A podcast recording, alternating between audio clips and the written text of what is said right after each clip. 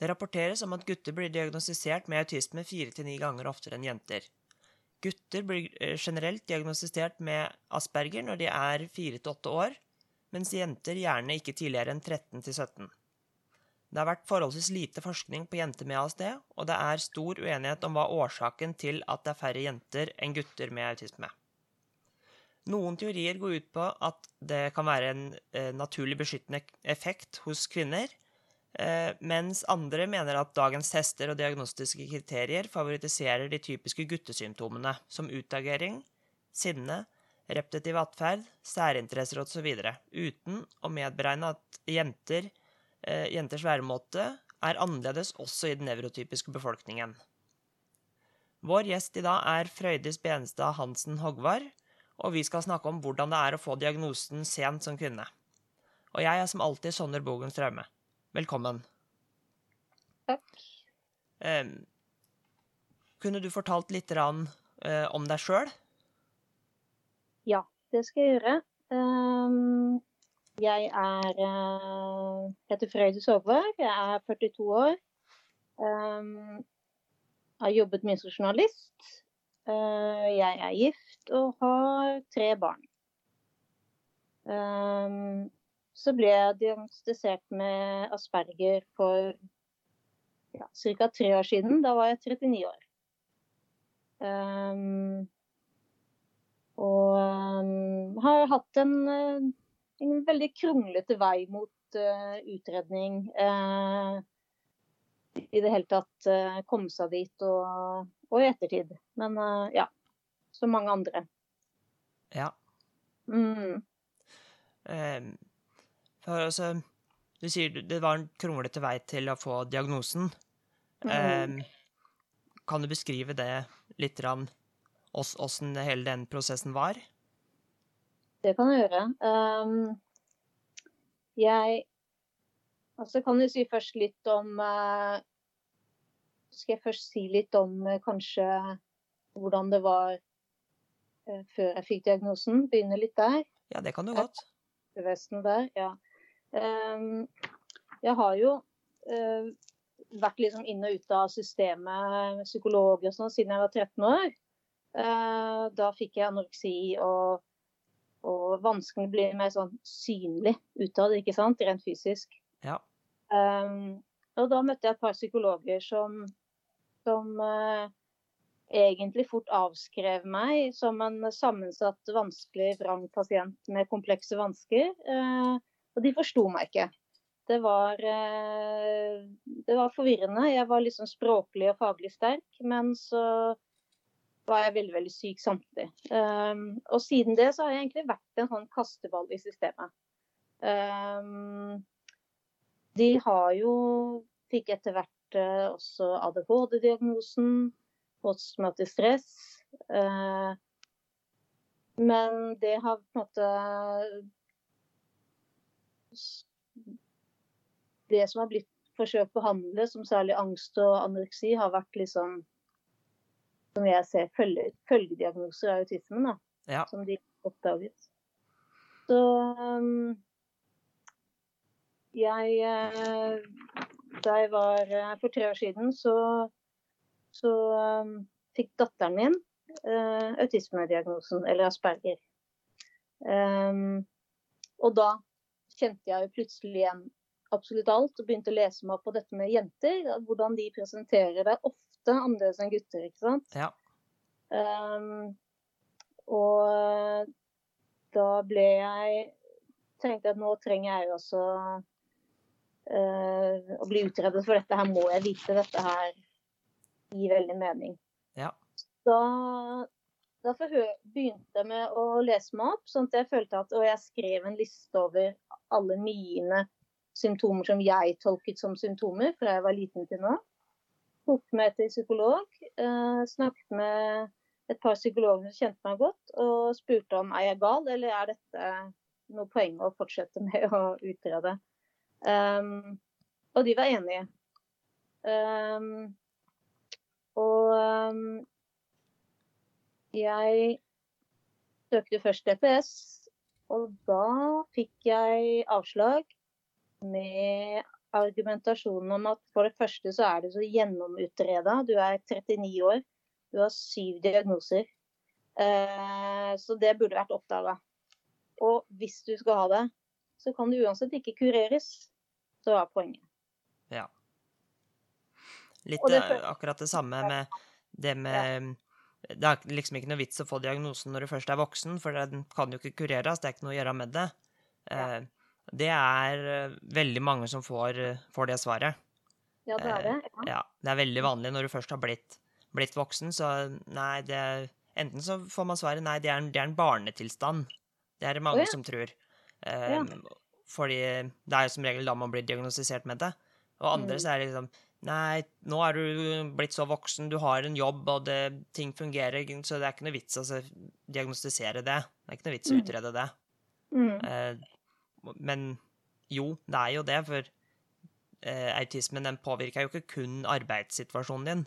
Den påvirker Nei. jo mer nesten det private. Mm. Og det å vite at man har en autismediagnose, det kan være veldig nyttig.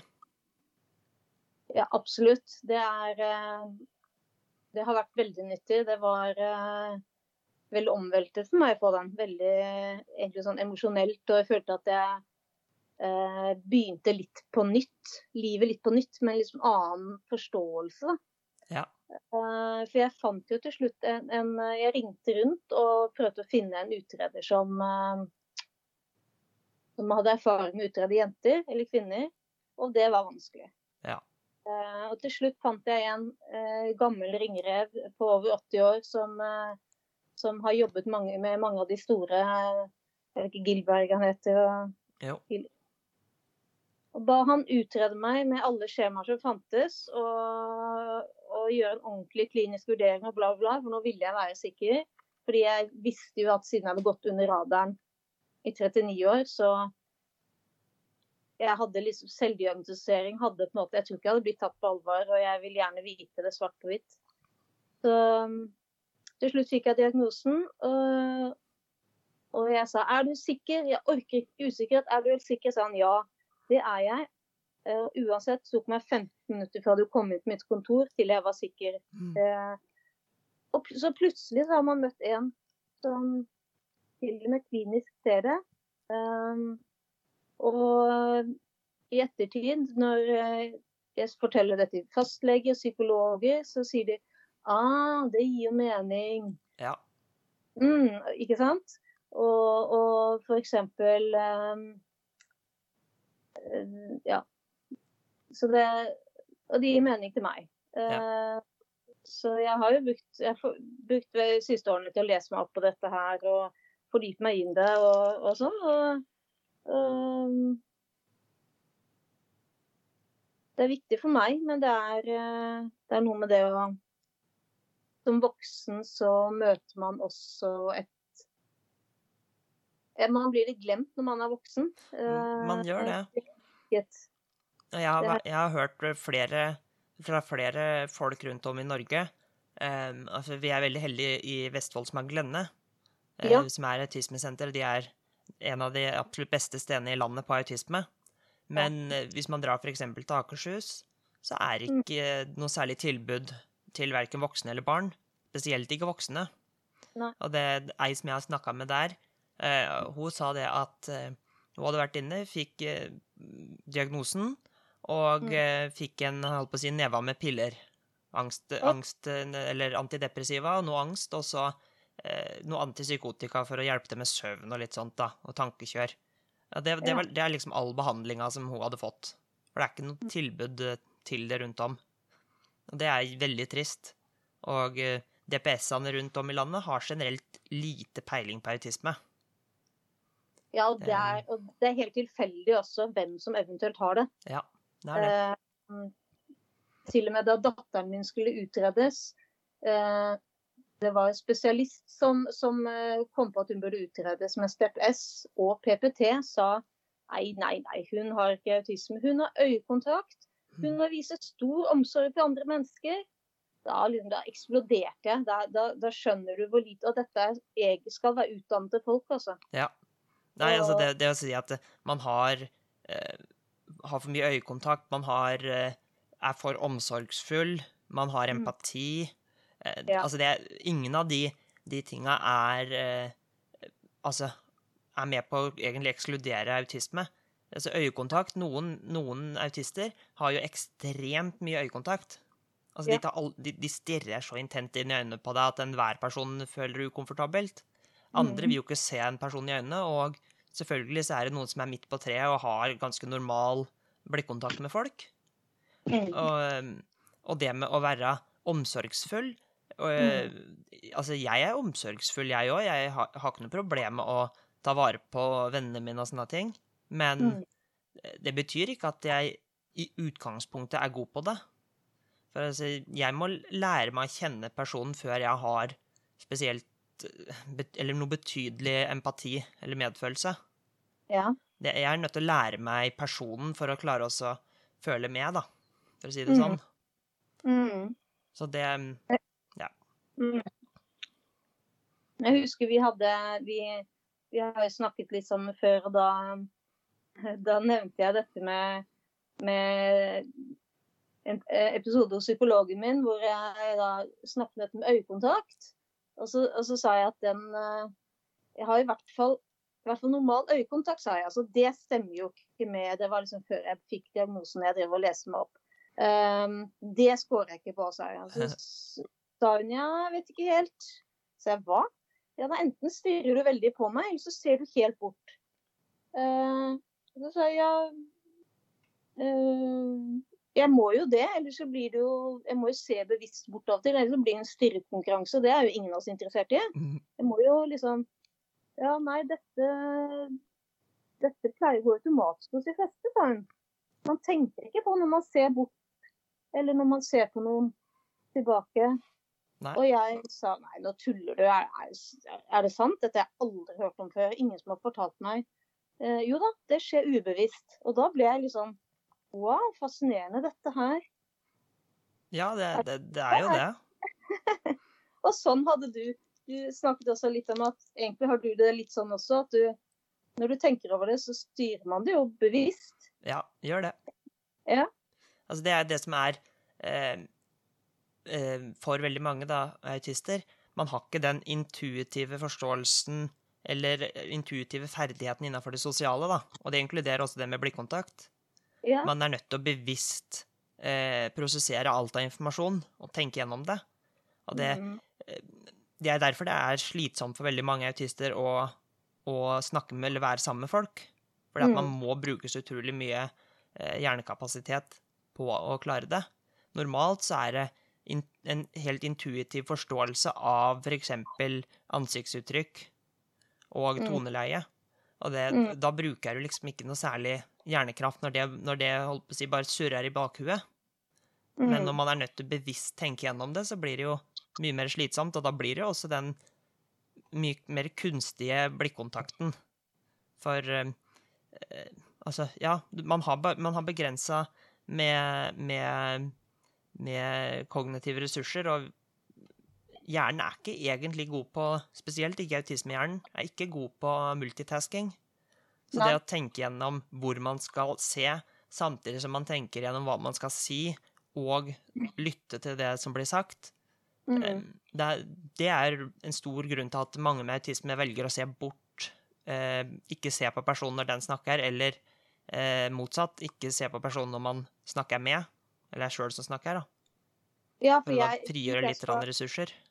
Ja, hvis jeg skal tenke på hva jeg skal si til noen, så må jeg se bort mens jeg tenker og snakker. Hvis jeg ser på den samtidig, så blir det litt sånn svart. Ja. Og, og igjen, som psykologen sa, du ser ofte ikke på meg når jeg snakker til deg. Og så sier jeg nei, men det er jo fordi at jeg hører etter. Da, da, da hører jeg bedre etter. Så han ja, det kan jo for noen oppfattes som litt sånn frekt, de Ja. som ikke kjenner deg.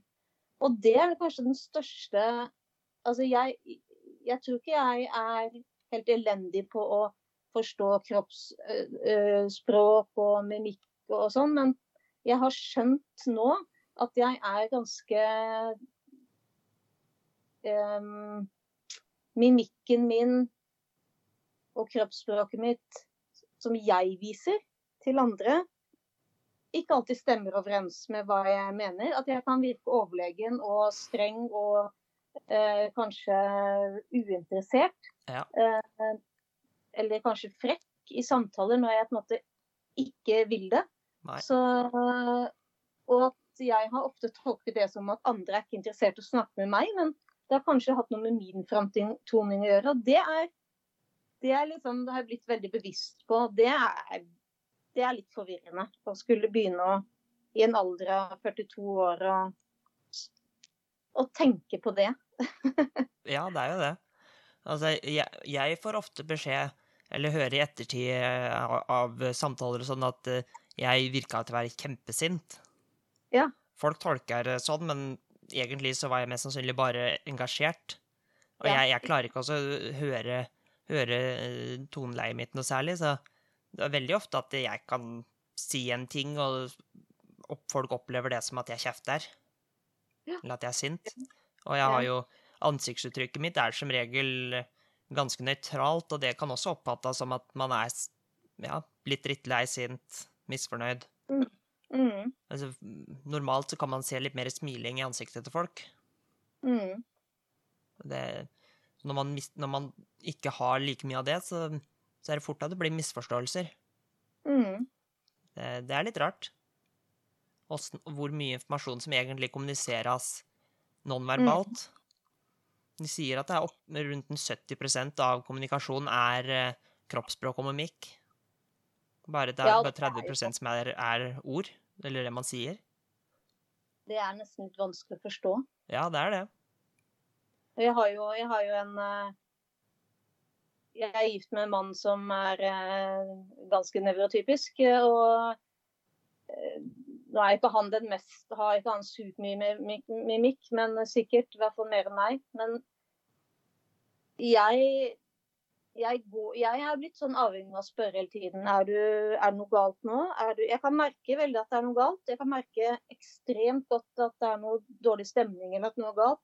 Men jeg klarer ikke alltid å koble på hva det er. Det kan ha skjedd noe fem minutter før som gjør det egentlig ganske opp, opplagt, eller dagen før, at det er det det er. Men jeg klarer liksom ikke helt å koble det på. Så jeg kan Jeg er avhengig av veldig tydelig kommunikasjon i hverdagen for å vite er du trøtt nå, er du sint, er du irritert, er du lei, eh, går du bare og tenker på noe, eller, eller så, så jeg er jo heldig som har eh, en mann som, som gidder å svare meg hver gang jeg spør. Jeg Jeg Ja. er veldig spørreveldig. Eh, kommunikasjon er jo liksom veldig viktig for meg. Tydelig kommunikasjon. At folk kan si, uttrykke ting klart da, med ord. Um, det er også en styrke, Ja. ikke sant? Det er Ja. det. Altså det du sa nå med at eh, du har problemer med å forstå om han er sliten, eller de forskjellige tinga der, da. Det Ja. er jo egentlig et, et godt eksempel på eh, Hva skal jeg si? Den manglende eller begrensa evna til, eh, til kontekstuell forståelse. Ja, Altså det Ja, nå, nå er klokka ett på natta, eller nå er klokka elleve på kvelden, og man har jobba hele dagen. Og Ja. det å klare å sette sammen det, Mm. det at nå er det seint, og derfor kan man være sliten, med Ja. åssen man er, det kan være vanskelig. ja, det er det. Jeg må liksom eh, Og det handler også om En ting er hvordan han føler seg, men med meg selv òg. Dette her å gjenkjenne følelser. Jeg må ofte, for å finne ut hva jeg føler, så må jeg kunne spole gjennom de siste dagene eller de siste timene, eller hva er det som gjør at jeg kan Hva har skjedd? Hva OK, det har skjedd kanskje noe, det skjedde noe som var trist. Da er jeg kanskje trist, eller er jeg mer nervøs? Altså, det, det kan bli en veldig sånn derre analyse som går eh, Som tar tid. Ja, det kan fort bli det. Det kan det. Hei, og beklager forstyrrelsen. På autismepodden.no finner du alle episodene med Autismepodden og mye annen relevant informasjon om autisme. Vi har også en Facebook-side, og jeg håper at du kan like siden, slik at flere oppdager vårt innhold. Takk skal du ha. Velkommen tilbake. Eh, hadde bare et lite teknisk problem, så eh, dermed så må vi, starter vi på nytt. eh, Kom i gang igjen nå. Eh, så vi var jo litt på det punktet hvordan, hvordan du opplevde livet før og etter du ble diagnostisert. Mm. De snakka jo akkurat om, om, det med den kontekstuelle forståelsen, det å, å klare å, å, skjønne hva Om mannen din er trøtt, om han er sliten, om han er eh, Ja, hva det er, liksom. Mm. Eh, så kanskje vi kan nå snakke litt om hvordan livet ditt var før eh, og etter du ble diagnostisert. Det kan vi gjøre. Jeg, jeg var jo som mange andre veldig forskjellig da jeg var liten. Veldig, veldig forskjellig hjemme og på skolen. Um, sånn I barnehagen og på skolen så var jeg ekstremt sjenert. Jeg var veldig pliktoppfyllende, litt sånn hemmende sjenert, livredd for å gjøre noe feil. Um, hadde ikke så mange venner. Det husker jeg mamma bekymret seg litt over. Den ene vennen jeg hadde, den krangla jeg visst mye med, og det ble mye misforståelser. Um, og så var jeg liksom Jeg husker i barnehagen at jeg var litt sånn var det sånn politi. Jeg husker jeg gikk rundt og forklarte de andre barna at de, de måtte ikke spise snø, for det kunne inneholde de og de uh, tingene man kunne bli syk av. Jeg lærte dem hvilke sopper man kunne spise her, ikke det fluesopp.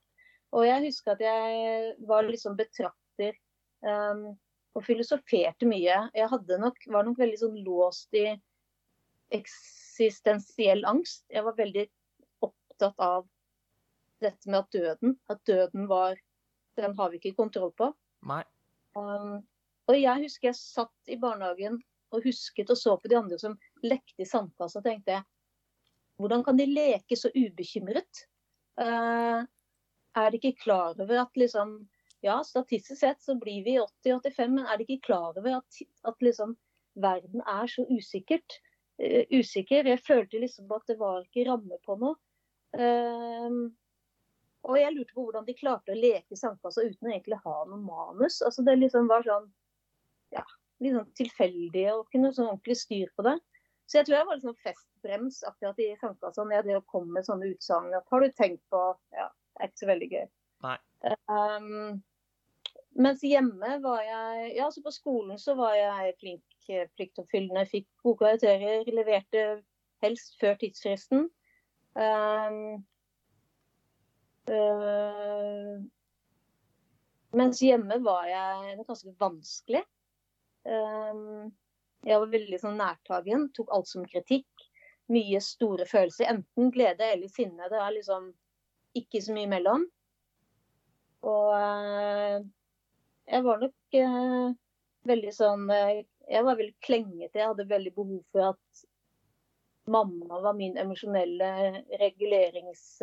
reguleringskontroll, tror jeg. Og, og Uh, var veldig ja, kunne være veldig klovnete og egentlig være veldig interessert i mennesker. Imitere mennesker, spørre hvorfor uh, mennesker sa og gjorde det. Jeg var veldig interessert i hvordan mennesker virker. Det er jeg nå. Ja. Um, og så begynte jeg på ungdomsskolen, og da var jeg vel kommet til det punktet at liksom Jeg vet det annerledes. Jeg merker det. Jeg jeg kan like gjerne gjøre noe ut av det. Så da ble jeg liksom Begynte å gå veldig frykte kledd, og det ble med grønt hår og, og litt sånn. Uh, og så ble jeg jo syk da, med anoreksi. Og, og det er jo um, Det er sikkert mange grunner til det. Men uh, uh, ting var jo liksom den puberteten hvor jeg følte at, at at jeg ble påtvunget en sånn der drakt med liksom både kjønn og eh, Nå er du snart voksen, da er det krav. Um, og, og, hele forventningen om å være kapabel. Alt, alle krav steg jo. Ja. Um, og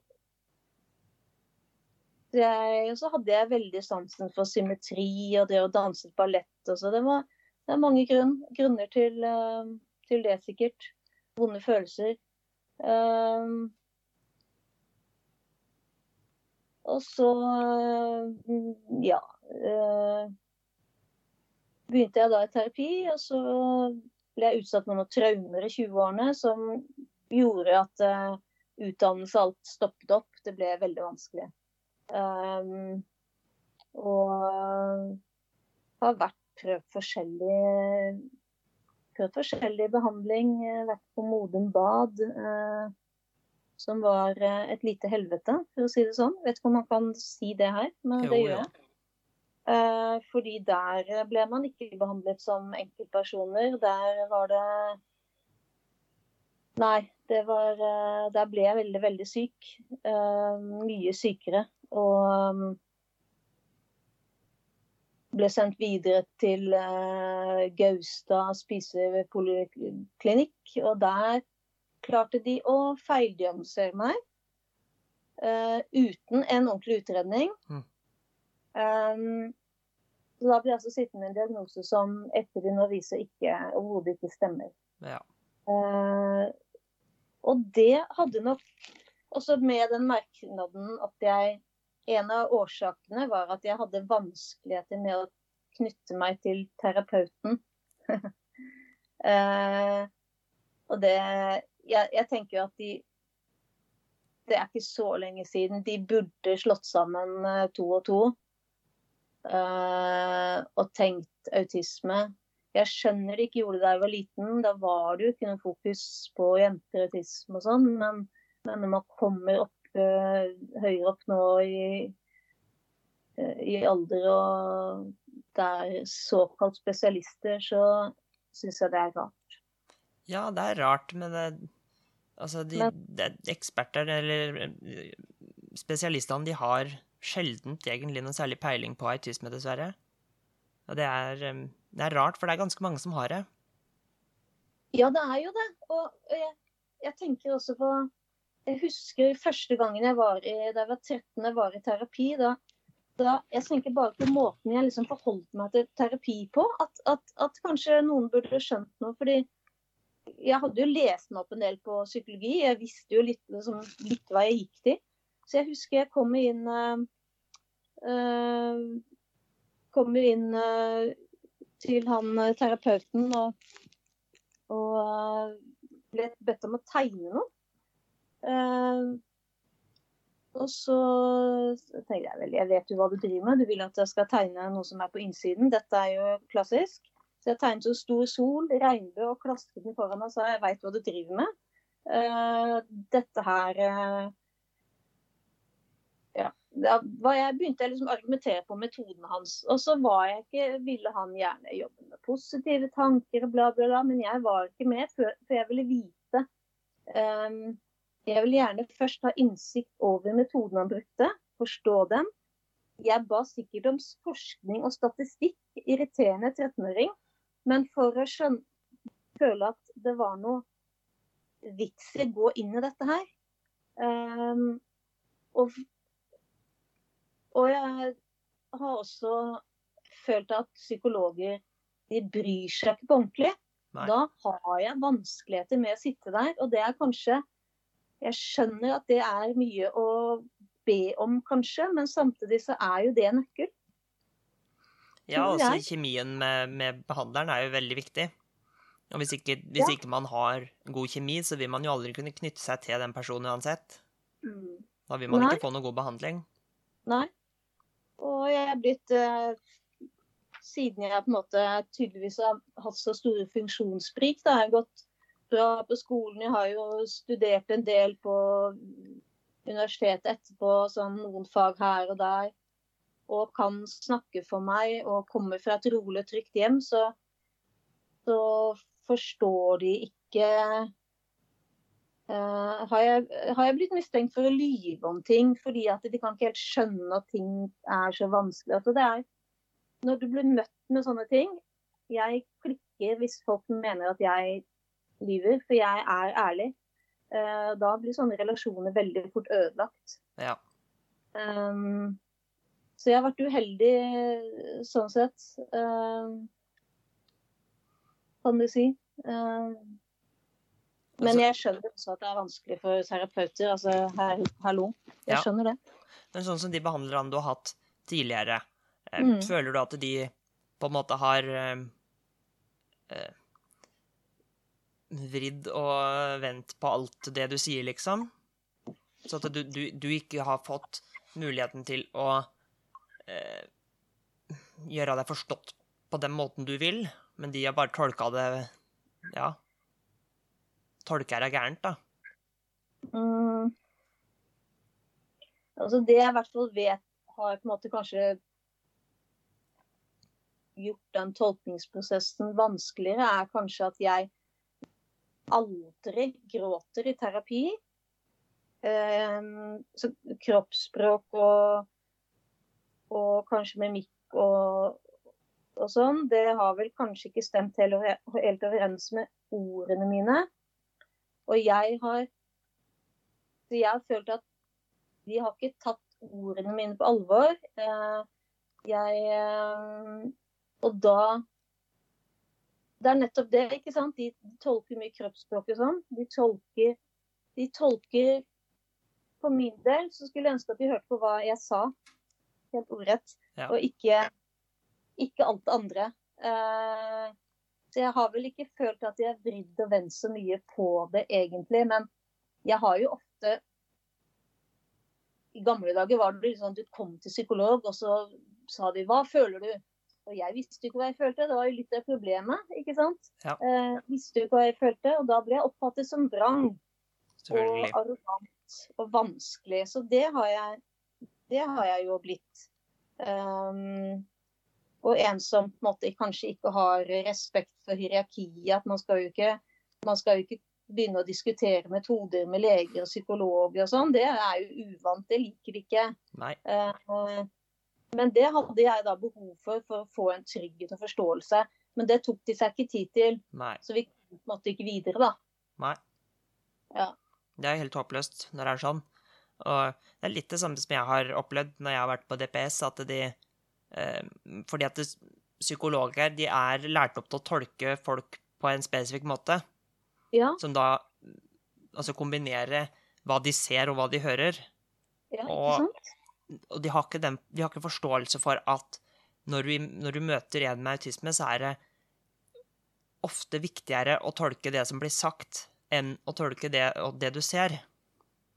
Altså, jeg Ja. gråter aldri hos noen behandler. Jeg gråter Altså, jeg klarer nesten ikke å gråte. Mm. Eh, det er vel tre ganger de siste ti åra som jeg har gjort det.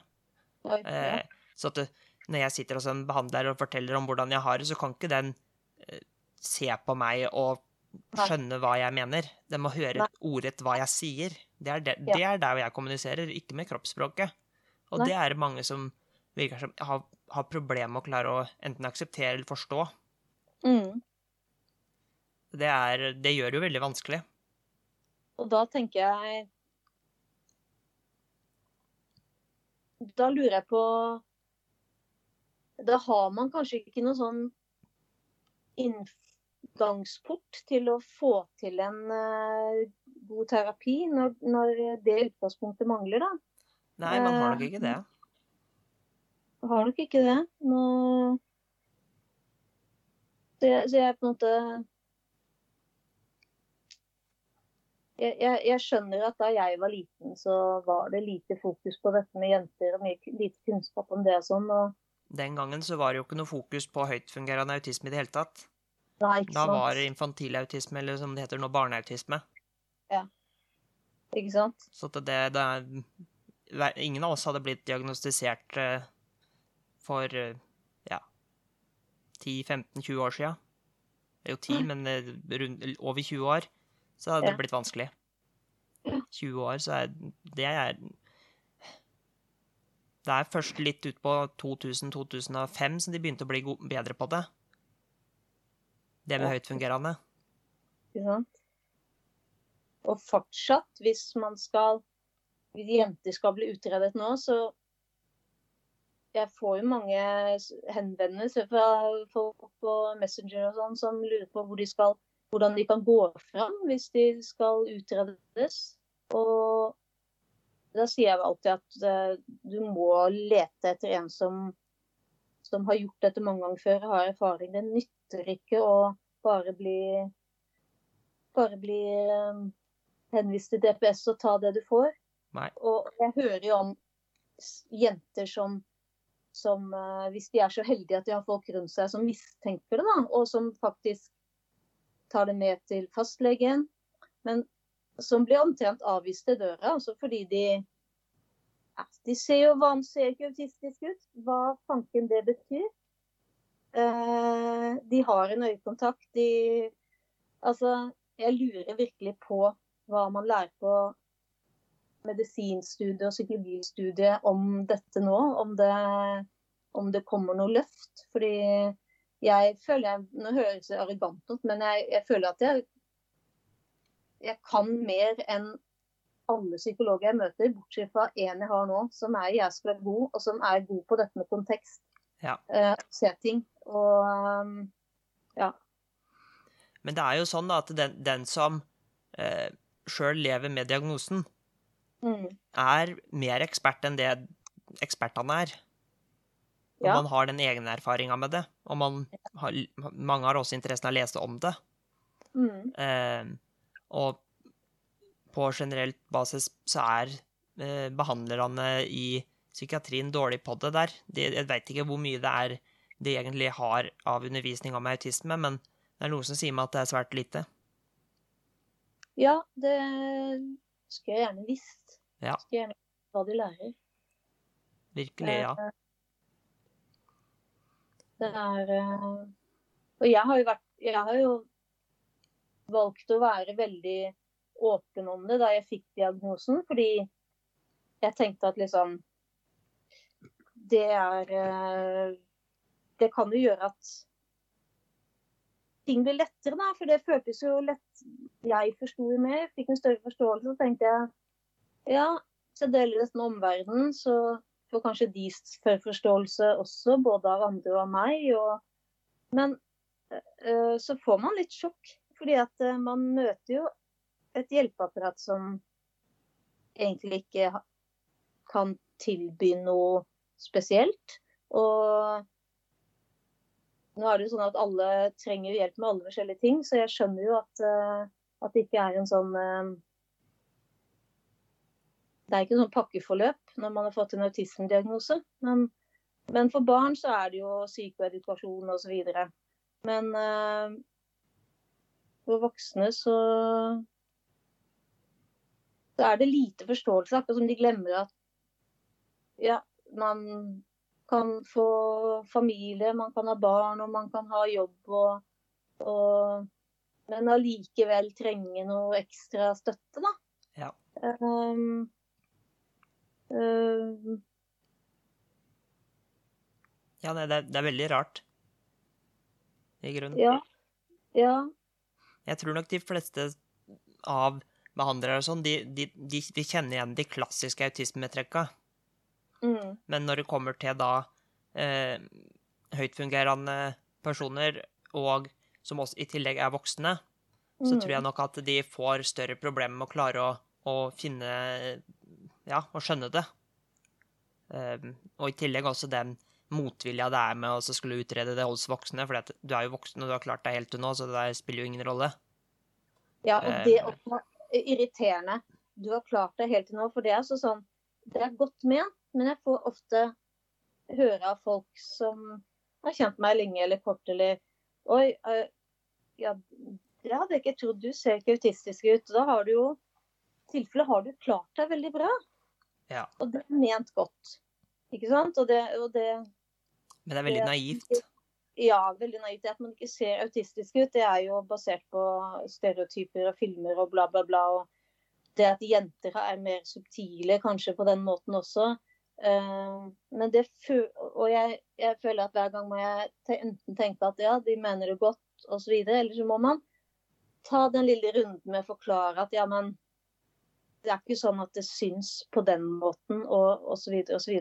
Ja. Um, for det er litt vondt å, at det blir bagatellisert. Og hva mener de med at jeg har jo klart meg godt? Uh, ja, jeg kom meg gjennom skolen, fikk ganske gode karakterer. Men det er da pokker meg mye som ikke har gått bra også. Ja. Uh, hvor jeg har vært dødssyk i mange runder. Så uh, den målestokken der blir også litt sånn litt sånn overflatisk, da. Og en Ja. ting jeg tror mange, mange av de glemmer, er liksom Du sa jo du hadde anoreksi og um, ADHD, PTSD og angst, for eksempel, da. Mm. At eh, du kan Hvis du har fått en autismediagnose fordi at du har autisme, så kan man tilpasse behandlinga for de andre diagnosene til å Mm. være bedre deg. Så at det behøver ikke å være at du trenger eh, Altså at du har et hjelpebehov i hverdagen, men Nei. det er like mye det at du skal faktisk tilpasse behandlinga til den enkelte person. Mm. Og da, hvis personen har autisme, så har man en annen måte å kommunisere på. Man har en annen måte å forstå det som blir sagt på. Og det Mm. kan være veldig viktig å få med i behandlinga, altså. Så det, Ja, det er, det er helt avgjørende. Jeg har hatt én psykolog i mitt liv som har vært god, og det er hun jeg har nå. Og hun er ekspert på Jeg har også diabetes. Så diabetes og eh, spiseforstyrrelser og autisme har jobbet med alt, så det er jo gullfunn, ikke sant? Ja. Eh, og det er jo det som er litt av utfordringen, sikkert. At det er mange kor... Hva heter det? Mange korbiditeter. ja, altså- ja. ja. Eh, når man har autisme, så er det ofte, har man ofte flere følgetilstander eller diagnoser. Og, og noen som kan behandle det under ett fra, et, fra en autistisk innfallsvinkel. Eh, for jeg har jeg vet ikke hvor mange år jeg har prøvd å gå i sånn kognitiv behandling og prøve å endre rutiner og tankemønstre.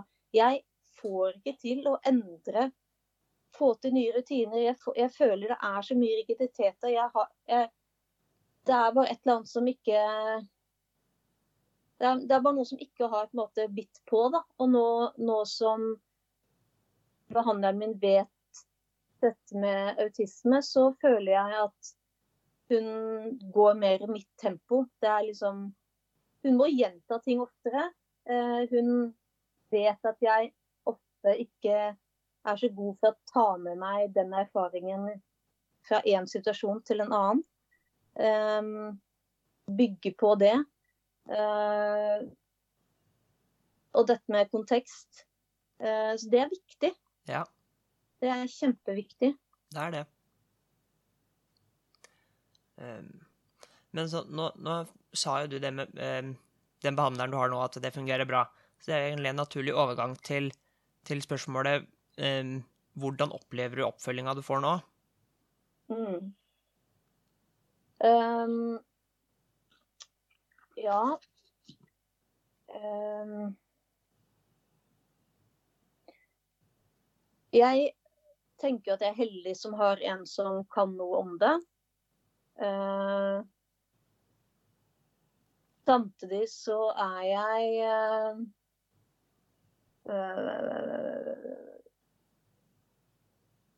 fortsatt når vi, Jeg har jo mye Hva skal man si? Jeg føler vel fortsatt at, at um, ordene jeg sier, ofte ikke blir tatt på alvor. Ja. Um, og så er jeg jo Jeg har jo familie, ikke sant. Jeg har jo tre barn. Uh, og to av dem er autister og trenger oppfølging. Og da er det jo, når man får barn, så er det jo naturlig at egne behov må settes bakerst til side. Ja. Uh, men det er jo litt sånn at jeg Man setter de først, men jeg føler jo på en måte at jeg trenger mye av det samme som dem. eh, egentlig. Ja. Eh, så Nei, det er, dårlig, det er dårlig oppfølging, dårlig forståelse. Eh, men så syns jeg også det er vanskelig å uh, egentlig ordlegge hva jeg trenger hjelp til. Du? Det, jeg jeg syns det er vanskelig også, jeg. Ja. Det er kanskje um, Det viktigste er jo kanskje de rundt meg i hverdagen, sånn som mannen min har jo vært veldig viktig. Han sånn som f.eks. hvis vi går på foreldremøter eller foreldresamtaler og, og sånn, så kan går vi som regel begge to, fordi når vi kommer ut derfra, så har han kanskje en oppfatning av hva som er sagt, og jeg kan ha en ganske annen. Eller jeg har hengt meg opp i én ting. Eh, så det å ha noen å diskutere med, hva var det som skjedde der? Eh, hva mente de egentlig der? Um, eller etter man har vært sosial på noe. og så Da kan jeg gå og tenke på det flere dager. Og da snakker jeg med han. Og det hjelper veldig. Det er liksom, liksom Sette ting i system, i sammenheng. Det er på en måte kanskje noe av det viktigste, da. Ja. Um, og så er det selvfølgelig alle disse hensyn til det sensoriske. Det er, det er mye lyd med tre barn og to hunder. Uh, jeg er roper at nå må det være stille. og jeg tar på meg høreklokker og, og, gjør så godt jeg kan. Tilpasser meg så godt jeg kan. Ja. Uh, ikke sant? Man, uh, man, må jo det. Og det Det som er fint, da, er jo at jeg får Jeg får jo brukt egen erfaring til å ha en tror jeg, ganske god forståelse av de to barna mine som også har autisme. At jeg kan være en et liksom talere for dem i forhold til hva de trenger uh, osv. med tilrettelegging. Så, ja. Så, det er jo en fin følelse. Det føler at det er nyttig. At det faktisk det kommer noe nyttig ut av dette. Ja. ja. ja. nei, altså det, det er jo litt uh, egentlig derfor jeg starta å være aktiv uh, i Autismeforeninga, og jeg driver Autismepodden. Fordi at uh, jeg vil at de opplevelsene jeg har hatt i oppveksten, skal ha en, altså ha en funksjon. For meg, så mhm. nå kan jeg bruke de opplevelsene på samme måte som andre bruker en utdanning. Og da, mm. da kan jeg forsvare det mye bedre for meg sjøl at, at, man har måttet gå gjennom de tinga, da. Ja. Man får faktisk bruk for eh, den dritten man har gått gjennom. Og det er jo en, en kan være en positiv ting for, for uh, for en selv, da. Da blir det ikke, ja, det, blir det ikke like meningsløst. Det blir ikke like meningsløst, og jeg Det er derfor jeg også er, eh, er ivrig på å, å, snakke om dette her, sånn at uh, Sånn at um, Mister jeg tråden? Uh, jeg må bruke egne erfaringer. Ja.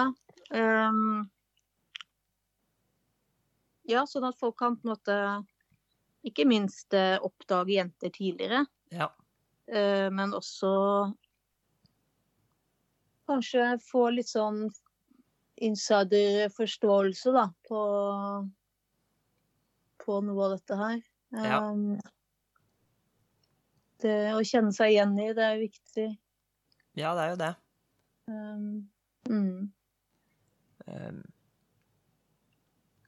det, det du sa med at det, du, du har problemer med å sette ord på hva det er du trenger hjelp til, holdt jeg på å si. Mm. Um, det er uh, Det er noe som jeg har hørt fra flere, at, at uh, behandleren liksom Ja, hva, er det du trenger hjelp til? Hva er, mm. hva er det vi kan gjøre? Og ja. altså, for meg så er det en veldig rar ting å spørre om, egentlig. fordi at det, hvis, hvis, jeg får det spørsmålet hos en psykolog eller behandler, så sier jeg uh, du, jeg er pasienten, du er behandleren, du har utdanninga. Du, ja. må vel kunne klare å vite, eller finne ut hva er det jeg trenger hjelp til. Det er derfor jeg er her, fordi jeg ikke vet hva ja. Jeg trenger hjelp til. Hvis jeg hadde visst det, så hadde jeg klart å fikse det sjøl. Ja, da kan jeg åpne ei bok, og så kan jeg lese om det, og så kan jeg løse det på den måten. Men ikke jeg vet problemet. Mm. Det er da man oppsøker hjelp. I hvert fall i mitt tilfelle. Mm. Og da få spørsmålet eh, Ja, hva kan vi gjøre for deg? Eh, mm. Nei, det vet jeg ikke. Og det, både jeg har opplevd det, og det er mange andre som jeg har eh, snakka med, som har opplevd det. Og ofte så resulterer det i at Nei, men nei, da kan, vi kan ikke hjelpe deg. For, ja, så roterer de seg bort i den, den, der, og så slutter jeg behandlinga etter hvert.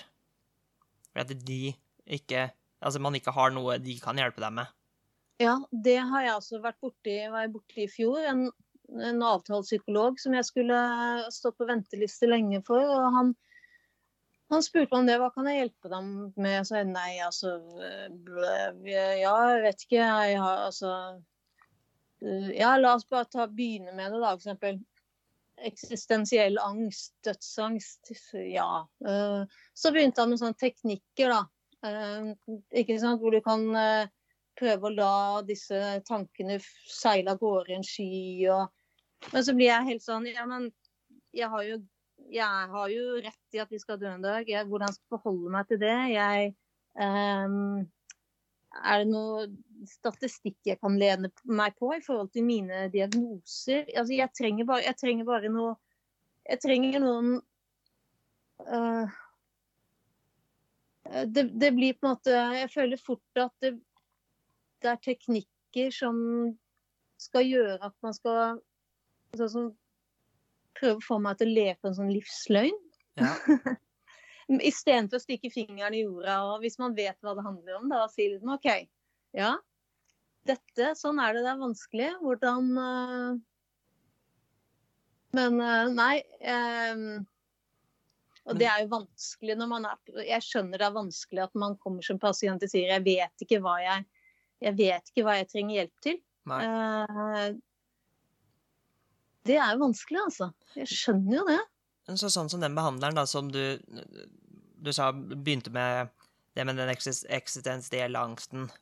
Mm. Spurte eh, behandleren deg da noen gang Men hvorfor er du redd for å dø? Fikk du det Spurte den sånn, for eksempel? Mm. Hvorfor er du redd for døden? Nei, jeg tror ikke han gjorde det. Han var vel mer sånn uh, Han var veldig sånn Ja, alle skal dø en gang. Det er, og statistisk sett så blir du eldre, men det kan skje når som helst. Så egentlig det beste er å bare prøve å la disse tankene liksom fly av gårde. Liksom over, jobbe med å oversette positive tanker, da. Ja. Uh, for meg handler det jo om et kontrolltap. Det ultimate kontrolltapet, tenker jeg. ikke sant? Uh, men Nei, det, var, det, ble med noen ganger, og så, og så, bare ble det ikke noe mer. Fordi at uh, jeg følte at jeg kom inn i et sånn ferdigpakka system hvor han kjørte sine faste teknikker. og tok seg ikke tid til å bli kjent med meg egentlig i det hele tatt. Um, og jeg eh, første gangen så spurte jeg om jeg kunne få noen dokumentasjon eller noe info på noen av disse verktøyene, metodene han brukte. Og, og han ga meg motvillig noe, men det er ikke så populært. Nei. Det er ikke så populært, altså. Nei, så Grunnen til at jeg spør, er fordi at, eh, som du sa, da, at du føler eh, de teknikkene han eh, prøvde å gi deg, da, eh, gjør mm. at du da hadde du levd på en livsløgn. Ikke sant? Ja. Og, ja. Så det, for meg, da, i, i, behandling, så vil jeg gjerne at man kommer til bunns i problemet. Og mm. da, hvis det gjelder da at man er redd for døden, så er det mm. naturlig for meg å si altså, Enten bli spurt eller spørre den andre personen Men hvorfor er du redd for å dø? Og så få, ja.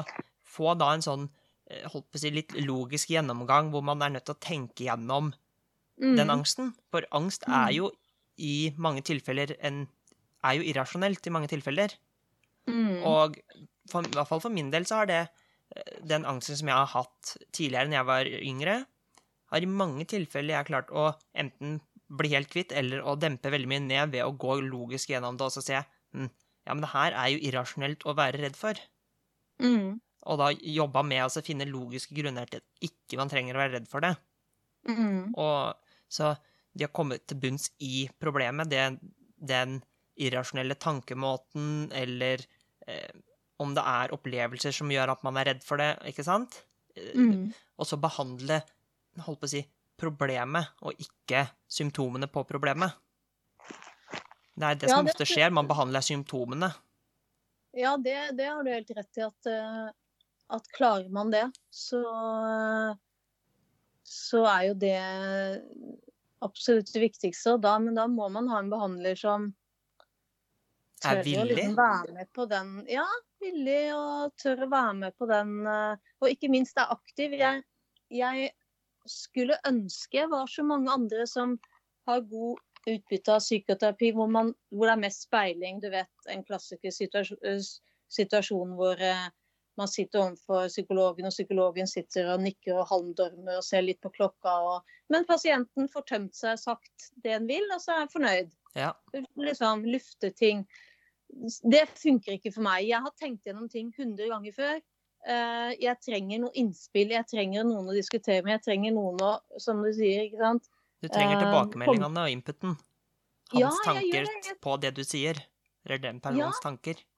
Og gjerne mer informasjon om, om ting. Jeg er veldig jeg, Psykologen min har jo nå skjønt at hvis hun kan gi meg f.eks. dette med, med dødsangst, da, så istedenfor å si ja, men det, vi alle blå, ikke sant, blåser det bort, så, så kan hun da komme med statistikk. Statistisk sett blir man så og så gammel. Ja, men når man har diabetes, da, ja, da kan det være at du statistisk sett blir litt ikke så gammel. Ja, autisme det har jo lav levealder. Man ser jo noen forferdelige ikke sant? Eh, Statikk, statistikk over det som kan skremme. Men så kan hun på en måte klare å sette sammen ting sånn at måte, det, gir litt mening. Ja. Og det føles litt tryggere, fordi det er logisk. Det, ikke sant? Det er logisk. Ja. Um, Altså På mange måter så kanskje man trenger en behandler som utfordrer en litt. ja. Ikke sant? Det, som du sier, du, du vil ha den inputen, ikke bare en nikkedukke som du kan tømme deg til. Nei, nei. Ja, da, da kan man egentlig like gjerne bare snakke til veggen. Ja, kan det. Så det, det er noen som kommer med tilbakemeldinger, stiller spørsmål, utfordrer meningene og, og eh, ja, Mm. det man sier. Det, Mm. det kan man liksom få, få en person da til å tenke litt mer igjennom det, hele situasjonen da, på en bedre måte. Ja, det er nettopp det. Å se det fra et litt sånn annet, større perspektiv. Eller sånn også for eksempel Hvorfor Jeg kan ha mye samtale med min psykolog. Hvorfor gjorde han sånn og sånn, sa det? Og da kan hun komme med en perspektiv som jeg ikke har tenkt på. Å ja, greit. Da slipper jeg å gruble på det resten av uka. Og Ja. det, er, det er fantastisk å møte folk som klarer det, men da, da skal man være godt kjent. ikke sant? Og da må man ha en behandler som følger på over tid. Og, og, og det er jo veldig ofte skifte av behandlere i systemet, og det, det er jo ikke lett. Nei, det er ikke det. Det er ikke lett, altså. Um, mm. Altså, annet enn at du, etter du fikk eh, diagnosen av, har fått en behandler som det fungerer bedre med, Mm. Um, hva annet føler du at diagnosen har gjort for deg? Altså, hvor, hvorfor er det annet enn det som vi har sagt det nå, da, hvorfor er det viktig eh, å få diagnosen? Ja, det er um, Jeg har alltid følt Dette blir veldig sånn mm, klisjé, men det er vel en klisjé fordi det kanskje stemmer. At, uh, at det har vært, liksom, vært litt annerledes. Jeg har sagt til uh, terapeuter at jeg har ikke klart å fortelle hvordan jeg føler, men jeg har sagt at ingen forstår meg. Da jeg var ungdommen, så sa jeg til og med jeg føler det er noe nevrologisk annerledes i hodet mitt. Da vet jeg ikke om jeg hadde lest noe eller hva jeg hadde. Men det har i hvert fall vært den følelsen av Og en følelse av å, å ikke ha rammer. At jeg liksom flyter litt. eh, Det er litt sånn eh, Så, så for meg så, så har faktisk diagnosen gjort at jeg um, føler at jeg har fått litt mer sånn kontur, litt rammer. Ja. Um, det er sikkert provoserende for mange, fordi mange vil, er opptatt av å, å holde si, personlighet og diagnose atskilt. For meg så er det så Sammenfletta? sammenfletta, og jeg har jo ingen skam over en Ser ikke noen grunn til å ha skam over å være autist. Nei. Så, så for meg så henger det sånn sammen at det har blitt en del av min forståelse. Og nå vet jeg hvor jeg kan søke forskning, jeg vet hvilke kanskje forum man kan få litt eh, hjelp, eh, hjelp fra. Um, jeg vet hvor jeg kan hente kunnskap. Jeg, og det er viktig. Rett og slett. Og så vet jeg at jeg bør bli flinkere. Det er viktig for meg å sette grenser. Det er veldig vanskelig, for jeg vet ikke når. Men f.eks. mannen min har nå blitt flinkere til å se at Si til meg du, nå holder du på å stupe, gå og legg deg før du gjør det. Ja. OK. Ja. Og sånn noen utenfra. Eller sånn du kan, Nå ser jeg at du liksom Nå slutter du å snakke. Nå er det så mye lyder. Nå har du sensory overload. gå og, legg, gå og ta på øreproppene og legg deg på rommet. Og derfor jeg kan bli litt sånn ja. Så det at andre også kan hjelpe til, Ja. Det er jo en praktisk eh, fin greie. Og, og um, um, Altså, ekstern input er, kan være veldig viktig. Jeg har alltid Mm. hatt problemer med å eh, klare å kjenne når det er jeg begynner å bli utmatta. Ja. Eh, altså man, man sier jo at man går på veggen, mm, eh, og i mitt tilfelle så må det være en eh, ikke bare imaginær vegg, men også en usynlig imaginær vegg. ja. Eh, for det er først de siste tre-fire åra som jeg har klart å kjenne at nei, nå, nå, begynner, nå bikker det snart over, eller nå, nå blir jeg snart helt utmatta igjen. Eh, Før det så har mamma alltid måttet si fra til meg at nå, nå virker det som at, det, at du begynner å bli sliten, at nå kanskje du skal roe ned litt og ta pause, istedenfor å Mm. da gå på den der imaginære veggen og Mm. ende opp med å være utmatta i et par-tre måneder, om ikke mer.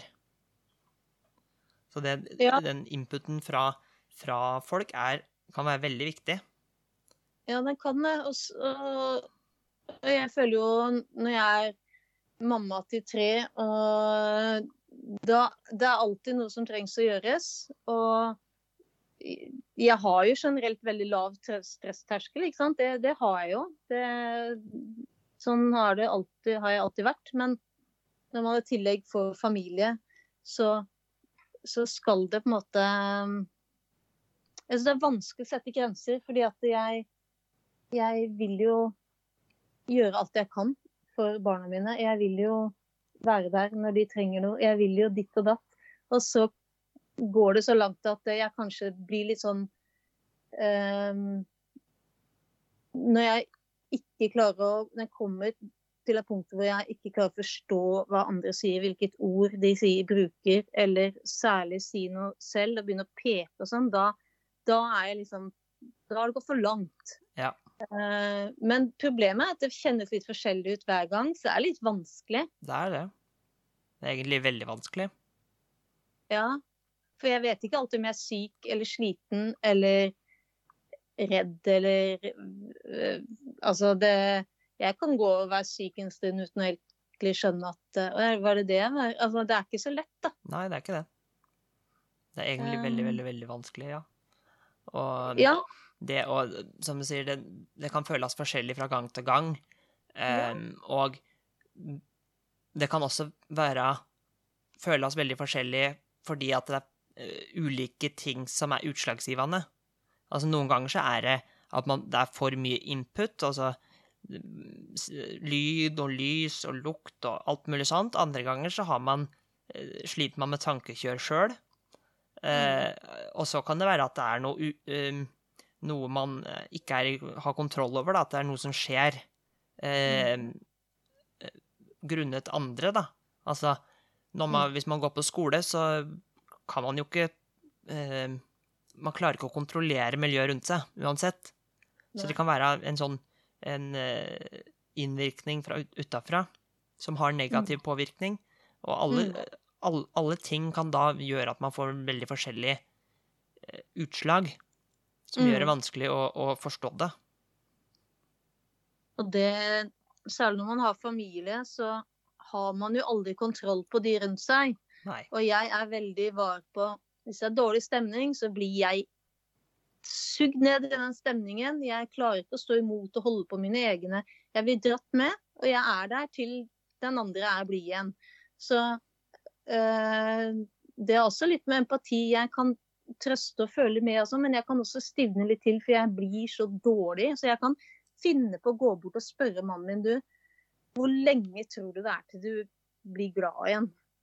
Tror du, Kan du gi meg et tidsperspektiv? Det er vel, sikkert veldig irriterende, men jeg, jeg, grunnen til at det fungerer, er jo at han er jo helt fantastisk i å, å svare og kommunisere. Det var, jeg var jo først alenemamma i åtte år med datteren min.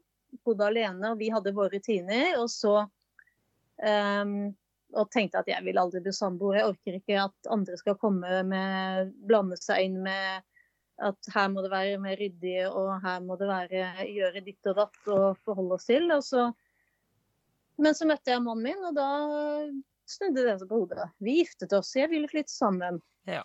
Og, og da Da brukte vi Det var en veldig bratt læringskurve for han å kommunisere. For da var det jeg som krevde åpen og klar kommunikasjon hele veien. Og det er kanskje ikke heller sånn typisk. Men det er jeg som ville kommunisere, for jeg brukte flere år jeg, på, på å falle inn et mønster hvor jeg syns det er vanskelig. Hvem skal ta oppvasken? Hvem skal ta klesvasken? Hvor ofte forventer jeg at jeg skal gjøre det? Eh, hvem skal passe barna når? Skal vi ha noe alenetid? Når er det alenetid? Hvor ryddig vil du ha det? Alt dette her ble liksom ting som vi måtte bare snakke gjennom og snakke gjennom. Og snakke gjennom. Um, og at han orket, det gjorde han. Så nå er det på en måte Så jeg, jeg er jo veldig heldig. Uh, og så, og så syns jeg jo man må trekke fram noen av styrkene òg, da. Jeg, jeg, er jo veldig problemløsningsorientert, og det er fint når man f.eks. har barn med utfordringer. Jeg er ikke redd for å ringe og mase på ting og tang. Jeg vet rettighetene. Jeg kan legge det fram sånn og sånn. Jeg kan se det fra begge sider. Og ja. Klarer liksom å holde litt sånn oversikten på ting. Ja. Og sørge for at ting blir gjort. Jeg, jeg, sitter ikke der og venter på at noe skal gå over av seg selv. Jeg vet at man må gjøre noe for endring. Ja. Um, så det er jo en styrke, kan du si, da. Ja, altså det følger jo mange styrker med autismen. Det gjør jo ja, det. Absolutt. absolutt. Og det, også den annerledes måten å tenke på er en Mm. styrke i hverdagen. Mm. Selv om samfunnet er eh, nærmest fobisk overfor annerledeshet, så hadde ikke verden fungert hvis alle var like. Altså, Nei. hvis alle sammen var eh, eh, altså, bare interessert i juss, så hadde verden gått under. Mm. Og hvis alle sammen bare var interessert i eh, planter, så hadde verden gått under. Altså, noen, Mm. må, noen må bygge hus, noen er nødt til å drive med byrå, eller være byråkrater, noen er Mm. nødt til å, å, å også forske. Men Mm. man trenger de forskjellige hjernene for at verden skal gå videre. Og innovasjon skjer ikke hvis alle er like. Nei, og det er viktig å tenke på og huske på, og, og, og liksom også si til seg selv. For jeg føler ofte at jeg har dårlig samvittighet for ditt, f.eks. Jeg er ikke noe god på lange middager hvor man sitter og alle snakker i munnen på hverandre. Jeg er ikke noe god på å Hvis det plutselig kommer opp diskusjon på et eller annet hvor, hvor liksom poenget er bare å diskutere det, men da tar mannen min den rollen, og så kan jeg gjøre noe annet. Og at det på en måte er at det er greit, da. Ja. At man utfyller hverandre, og det er greit. Og det Ja, sånn bør det jo være. Helt Ja. enig. Det bør det. Så, så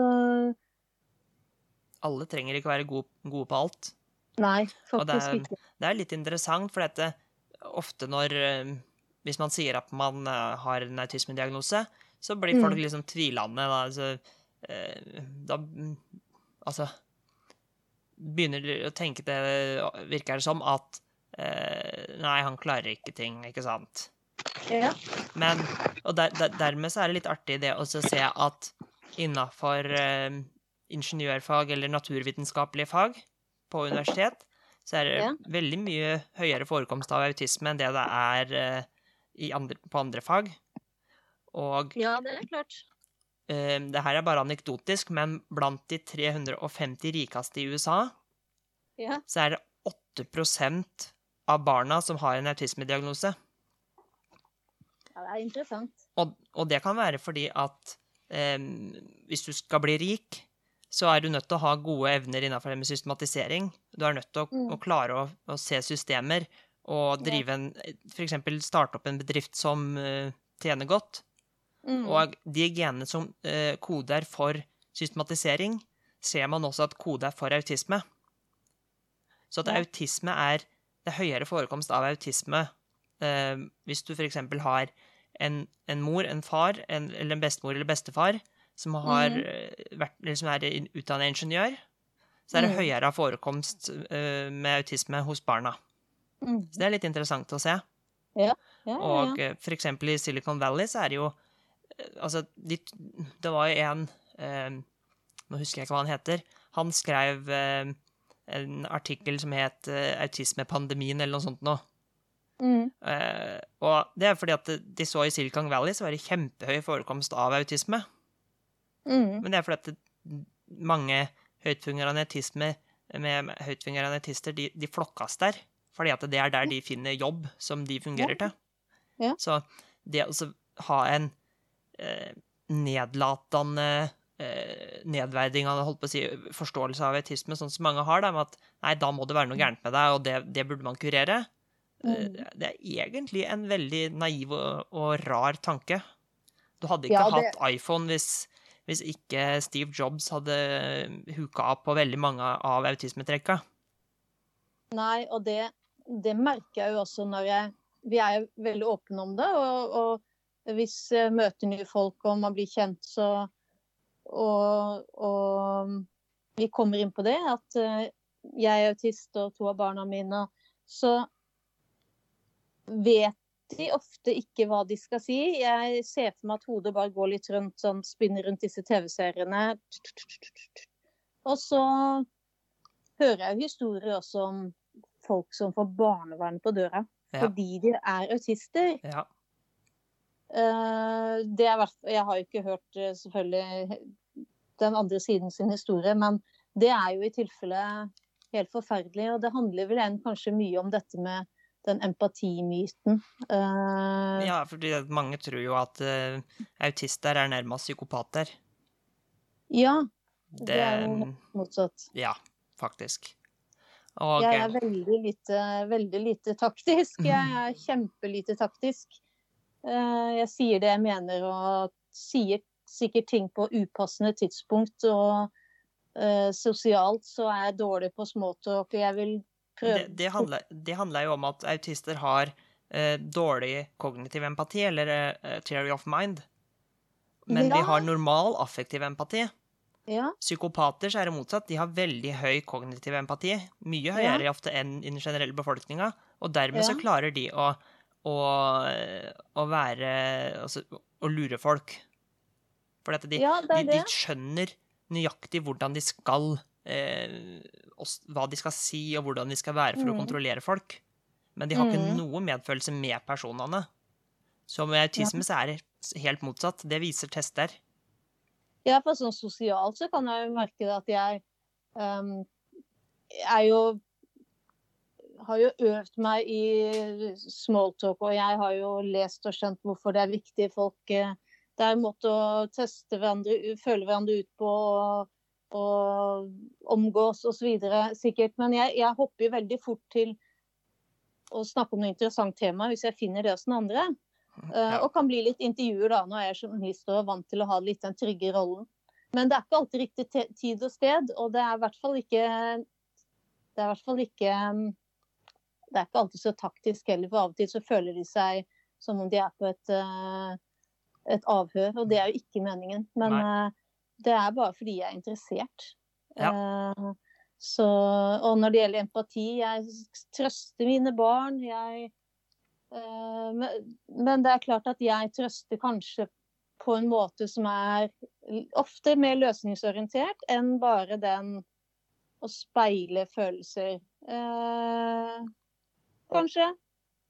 Ja. Eh, men så har jeg jo lest meg, lest meg opp på veldig mye også, så jeg, eh, jeg bruker jo det òg. Så det, Ja. det går helt fint. Ja. Nei, altså det, det som Jeg tror grunnen til at folk tenker at man har eh, lite eller ikke noe empati som autist, er fordi Ja. at det, som sagt, den kognitive empatien er lav. Så at vi kan ikke Mhm. nødvendigvis se at den andre personen er nedfor eller lei seg. Mm. Men hvis, hvis vi får vite det, hvis den sier det, Mm. så vil jo de fleste føle med. Mm. Og så det, det, det er bare det at vi klarer ikke Vi er blind for det, da. Vi er blinde. Vi ser det ikke. Så noen er nødt til å si det i visse tilfeller. Så at man har Ja. empatien, men man har bare ikke evnen til å, å registrere det sjøl. Nei, for, jeg, for det er litt sånn Jeg kan jo se at noen enten er lei seg eller sinte eller trøtte eller et eller annet galt, men jeg, jeg trenger ofte å Hvis jeg ser det, da, at de er lei seg, så er jeg Spør jeg alltid hva det er. Jeg må først få en forståelse av situasjonen før jeg så på en måte går på trøstinga for å vite hva jeg kan forholde meg til. Um, og det er nok litt uh, Merker jo noen kanskje er litt sånn ikke så vanlig, men, men uh, det er sånn, uh, sånn, det funker da, for meg. Ja. Og det er klart det er lettere å trøste hvis man har vært i samme situasjon selv og gjenkjenner det, og det er folk man kjenner og sånn. Men uh, ja. Uh. Altså, jeg er helt elendig på å trøste. Jeg vet, da søren hva jeg skal gjøre. Jeg visste Nei. Nei, det... jeg blir litt sånn som Big Bang There, there klapper Altså, det blir litt sånn jeg, ja. det, det, går fort Det blir fort mye sånn logikk og fornuft og, og litt sånn kan nok fort bli litt sånn ja, men du, det er ikke effektivt å ligge i senga en uke. Eh, det som er effektivt, er å gjøre sånn og sånn. Eh, det kan det fort bli. Ja. Absolutt. Hvis det, litt, eh, hvis det, ikke er veldig små barn, da. Ja. Det, det, er liksom forskjell. ja, det er jo det. Ja. Uh, skal vi se Ja, nei, nå har vi også vært innom punktet på empati. Ja. Uh, vi kan jo kanskje avslutningsvis uh, gå litt inn på det med forskjellen på gutter og jenter. Ja. Eh, så åssen føler du eh, altså, Ja, forskjellen er Åssen er du annerledes fra f.eks. en gutt med autisme? Eller mann? Mm. Nei, eh, jeg har jo Det beror jo mye på det jeg har lest, eh, og selvfølgelig det jeg kjenner igjen ut fra litteraturen. Og statistisk sett så er nok jenter litt annerledes. Men må også først si at eh, noen gutter har også litt samme profil. Eh, som ja, det er en flytende. Det er flytende.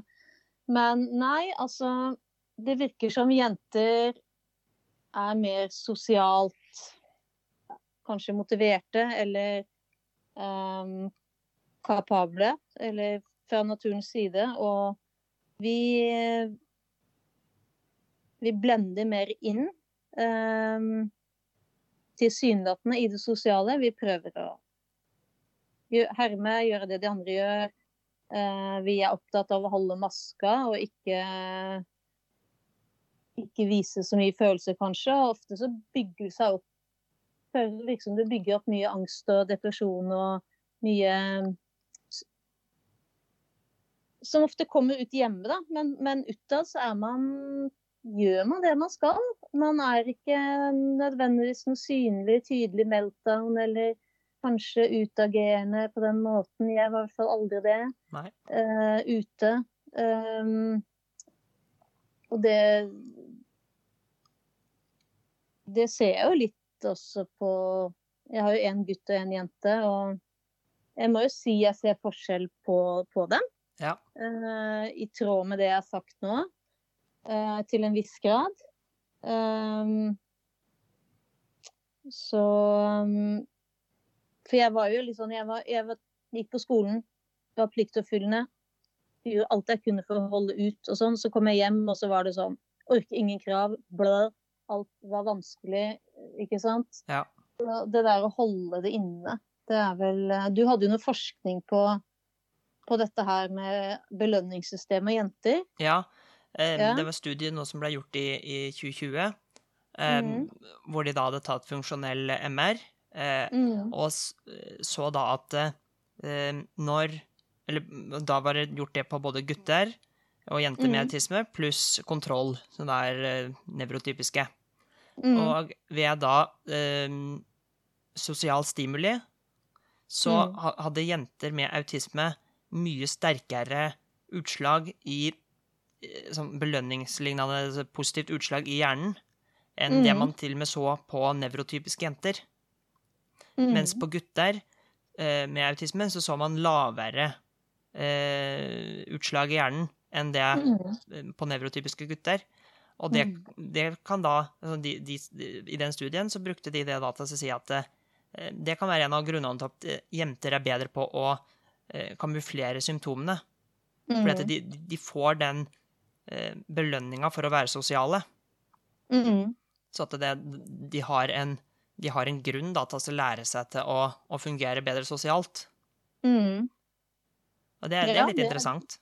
Ja, det er interessant, fordi eh, jeg tror ikke det handler om måte vilje, hvor mye man gidder og legger i det. Det handler ikke om at eh, gutta er late og ikke gidder å få til, prøve å få til prøve nok. Det, det har jeg ikke noe tro på. Nei. Så Nei, det er tydeligvis tydelig forskjell der, altså. Det, Altså, jeg var vel Ja, Nei, unnskyld. nei, bare snakk. Ja. Nei, altså for, for min del så er Jeg var mer interessert i, i eh, maskiner når jeg var liten, enn jeg Mm. var i andre mennesker. Mhm. Jeg var mye mer interessert i tekniske ting, så at det jeg, jeg har jeg demonterte alt mulig rart, og det gjør jeg fortsatt, for jeg syns det er moro. Eh, og jeg hadde to naboer, en på hver side i rekkehuset. Eh, Mhm. De gamle, gamle folk. Og han mm. ene så var jeg alltid med og så mekka på bilen og forskjellige sånne ting. Vi gjorde mm. alltid noe sånn eh, jobba. Mm. Så det, jeg har alltid fått mye mer eh, ut av eh, det å jobbe enn jeg har fått ut av eh, vanlige sosiale settinger. Det er det samme som Mhm. jeg, jeg fungerer mye bedre i formelle møter enn jeg gjør mm. i, i ja, en vanlig sosial setting, et, en, et selskap eller noe sånt noe. Det gjør jeg også. Jeg, det er, jeg kan gjøre det jeg vet er forventet, og så blir jeg veldig sliten etterpå. Ja. Det er veldig få mennesker jeg kan være rundt uten å bli Det er liksom bare familien som jeg kan være hos uten å bli utslitt etterpå. Det å dra på en hyttetur f.eks. med Nå har jeg liksom en, en veldig god bestevenn som jeg har hatt siden barneskolen, og, og og hun er min beste venn, men det er andre litt mer som perifere venner. Det er et utslitt av å skulle da f.eks. være sammen en helg på hyttetur. Ja. Det betyr ikke at det ikke er hyggelig, men det, det er liksom Ja, det er slitsomt. Det er det. Uh, og det er Men uh, Nei, for jeg tenkte jo Da jeg møtte deg første gang, så Ja. tenkte jeg jo liksom at uh, Jeg er jo en sånn som kan klemme folk ved første møte. Eller strekke ut hånda, eller er sånn Jeg leser ikke helt hvordan de vil ha det, da. Jeg er veldig sånn åpen. Ja. Um, og så husker jeg strakk frem hånda til deg, og da rykka du litt tilbake og tenkte å shit, det Nei, det funka ikke, nei. Um, Ja, nei, jeg, er ikke så veldig glad i håndhilse. nei, Og jeg er Nei, ikke så veldig glad i klemme heller. nei, ikke Og det sant? Ja. Og da, Jeg, og bare, jeg har aldri likt det. Nei, nei. Og der er vi jo alle forskjellige. Og så har vi snakket litt mer sammen, og så tenker jeg Ser jeg jo at vi, vi er like på mange områder, men ulike på mange. Så tenker jeg, hva ville du tenkt?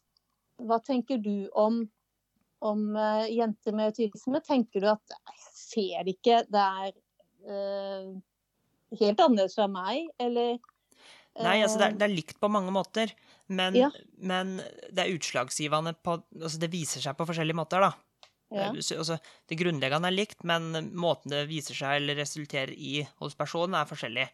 Så at eh, Mm. eh, gutter jeg har mer Altså større tendens til å utagere i situasjonen. eh, Mm. reagere med sinne hvis noe gærent skjer. Mm. Mens jenter i større grad vil eh, holdt på å si, i situasjonen late som de aksepterer det, oversette Mm. litt, og så når de eh, kommer hjem, så kanskje det utvikler seg mer til tankekjør og angst. Mm. Og eh, altså, det, det skjer mer i det stille hos jenter Mm. enn hos gutter. Mm. Eh, og det er jo noe man ser eh, generelt også. Gutter er mye mer det er, det er mer utagering hos gutter generelt. Ja. Eh, og det gjelder den generelle befolkninga og ved autisme. Mm. Det er mye, mye kjappere på å reagere med, med altså fysisk enn det jenter er. Mm. Ja. Mm. Og, det, det, og når det kommer til det sosiale, så som, som vi sa, jenter har nok kanskje en, et større eh, glede av det sosiale, eller man har større bedre, bedre respons, da. Man får mer Mm. stimuli ut av det. Mm. Eh, dessuten så er det jo mer akseptert at gutter er gutter. eh, Mm, mm, og løper rundt, mens jenter kanskje mer skal sitte litt i ro og så snakke om jenteting. Ja, for jeg tror det handler litt om det òg. At man eh, er Du blir liksom pressa inn i litt sånn eh, roller, da. Ja, ja Det- det, det er- det, er, absolutt en, en, en, en, faktor. Men når man ser på studier som har vært gjort på, på nyfødte barn, Mm, og man viser de to bilder, et bilde av en, av en teknisk gjenstand mm, og et bilde av et ansikt, mm. så vil gutter eh, med autisme se mer på den tekniske gjenstanden, mens Mm. jenter vil se mer på eh, bildet av ansiktet. Så det er allerede helt fra eh, fødselen av en forskjell på hva, hva hjernen Ja. er laga for å, å å si, respondere eller interessere seg for. Ja, jeg har alltid vært veldig interessert i, i mennesker i si, teorien. Ja. Eh, og studert kriminologi, og, og jeg er liksom ehm, Men jeg er ikke så tøff at hvis jeg er sosial og man sitter og småsnakker Hvis jeg bare tenker at åh, nei, nå orker jeg ikke mer. Nå, jeg er ikke tøff nok til å bare gå og sette meg et annet sted og være stille. Nei. Og det, og det er Det gjør sånn jeg. eh, Ja, ikke sant? Det gjør du. Ja, jeg Det- reiser meg bare opp jeg, og marsjerer ut. Så vi var eh, hos familien til ei venninne, Ja. og eh, de er svenske, så det gjør det Mhm. enda litt vanskeligere. De er, eller de er egentlig finske, men bor i Sverige. Eh, Mm. men i alle fall, så hun, hun eh, Hun blei litt sånn bekymra, så gikk bort til da venninna mi og spurte ble hun sint nå, eller gjorde, hun noe gærent. Nei, nei, Mhm. sier hun venninna. Nei, han bare setter seg der og trekker seg tilbake. Mm. Og jeg, jeg, jeg reiser meg bare opp, og så går jeg. Mm. Det, jeg. Nei, det føler jeg ikke noe på. Og jeg føler heller ikke noe på den eh, sånn pinlig stillhet. Jeg har ikke noe behov for å si noe bare fordi at det blir stille. Nei. Jeg, jeg sier bare noe hvis jeg føler for å si noe. Mm. Men den stillheten kan egentlig bare være deilig, syns jeg. Da får jeg mulighet til å tenke litt mer. Mm. Ja, jeg er også veldig glad i å være sosial på den måten at man kan være i samme rom, men man trenger ikke nødvendigvis å gjøre noe sammen eller snakke. Men det er, det er fint å på en måte Ja, man kan være sammen, men alene. Så lenge man er liksom enig, om, enig om det. Ja. ja. Mm. Altså det, det som vi snakka om nå på slutten, er jo også litt av grunnen til at jenter blir diagnostisert senere. Altså måten de utviser autismen Ja. på. Ja. Eh, skolen, altså de ansatte på skolen vil i større grad eh, reagere på eh, utagering hos gutter enn den stille eh, reaksjonen hos jenter. Mm. Og det Ja, det er klart det er eh, Læreren min fikk jo sjokk da hun hørte at hjemme var jeg absolutt ikke noe praktelev. Eh, det var som å snakke om to forskjellige personer. Ja. Og, så jeg tenker liksom hva, hva kan lærere og fastleger sånn, og, og foreldre, da, hva, hva kan de Det er vanskelig å plukke opp, men eh, Det er veldig må jo vanskelig. Være, ja, hva kan de gjøre? Altså, man må jo se på eh, altså man, Først må man jo forstå at det er en forskjell på gutter og jenter. Mm, Og så eh, må man se åssen er den, den jenta fungerer på skolen.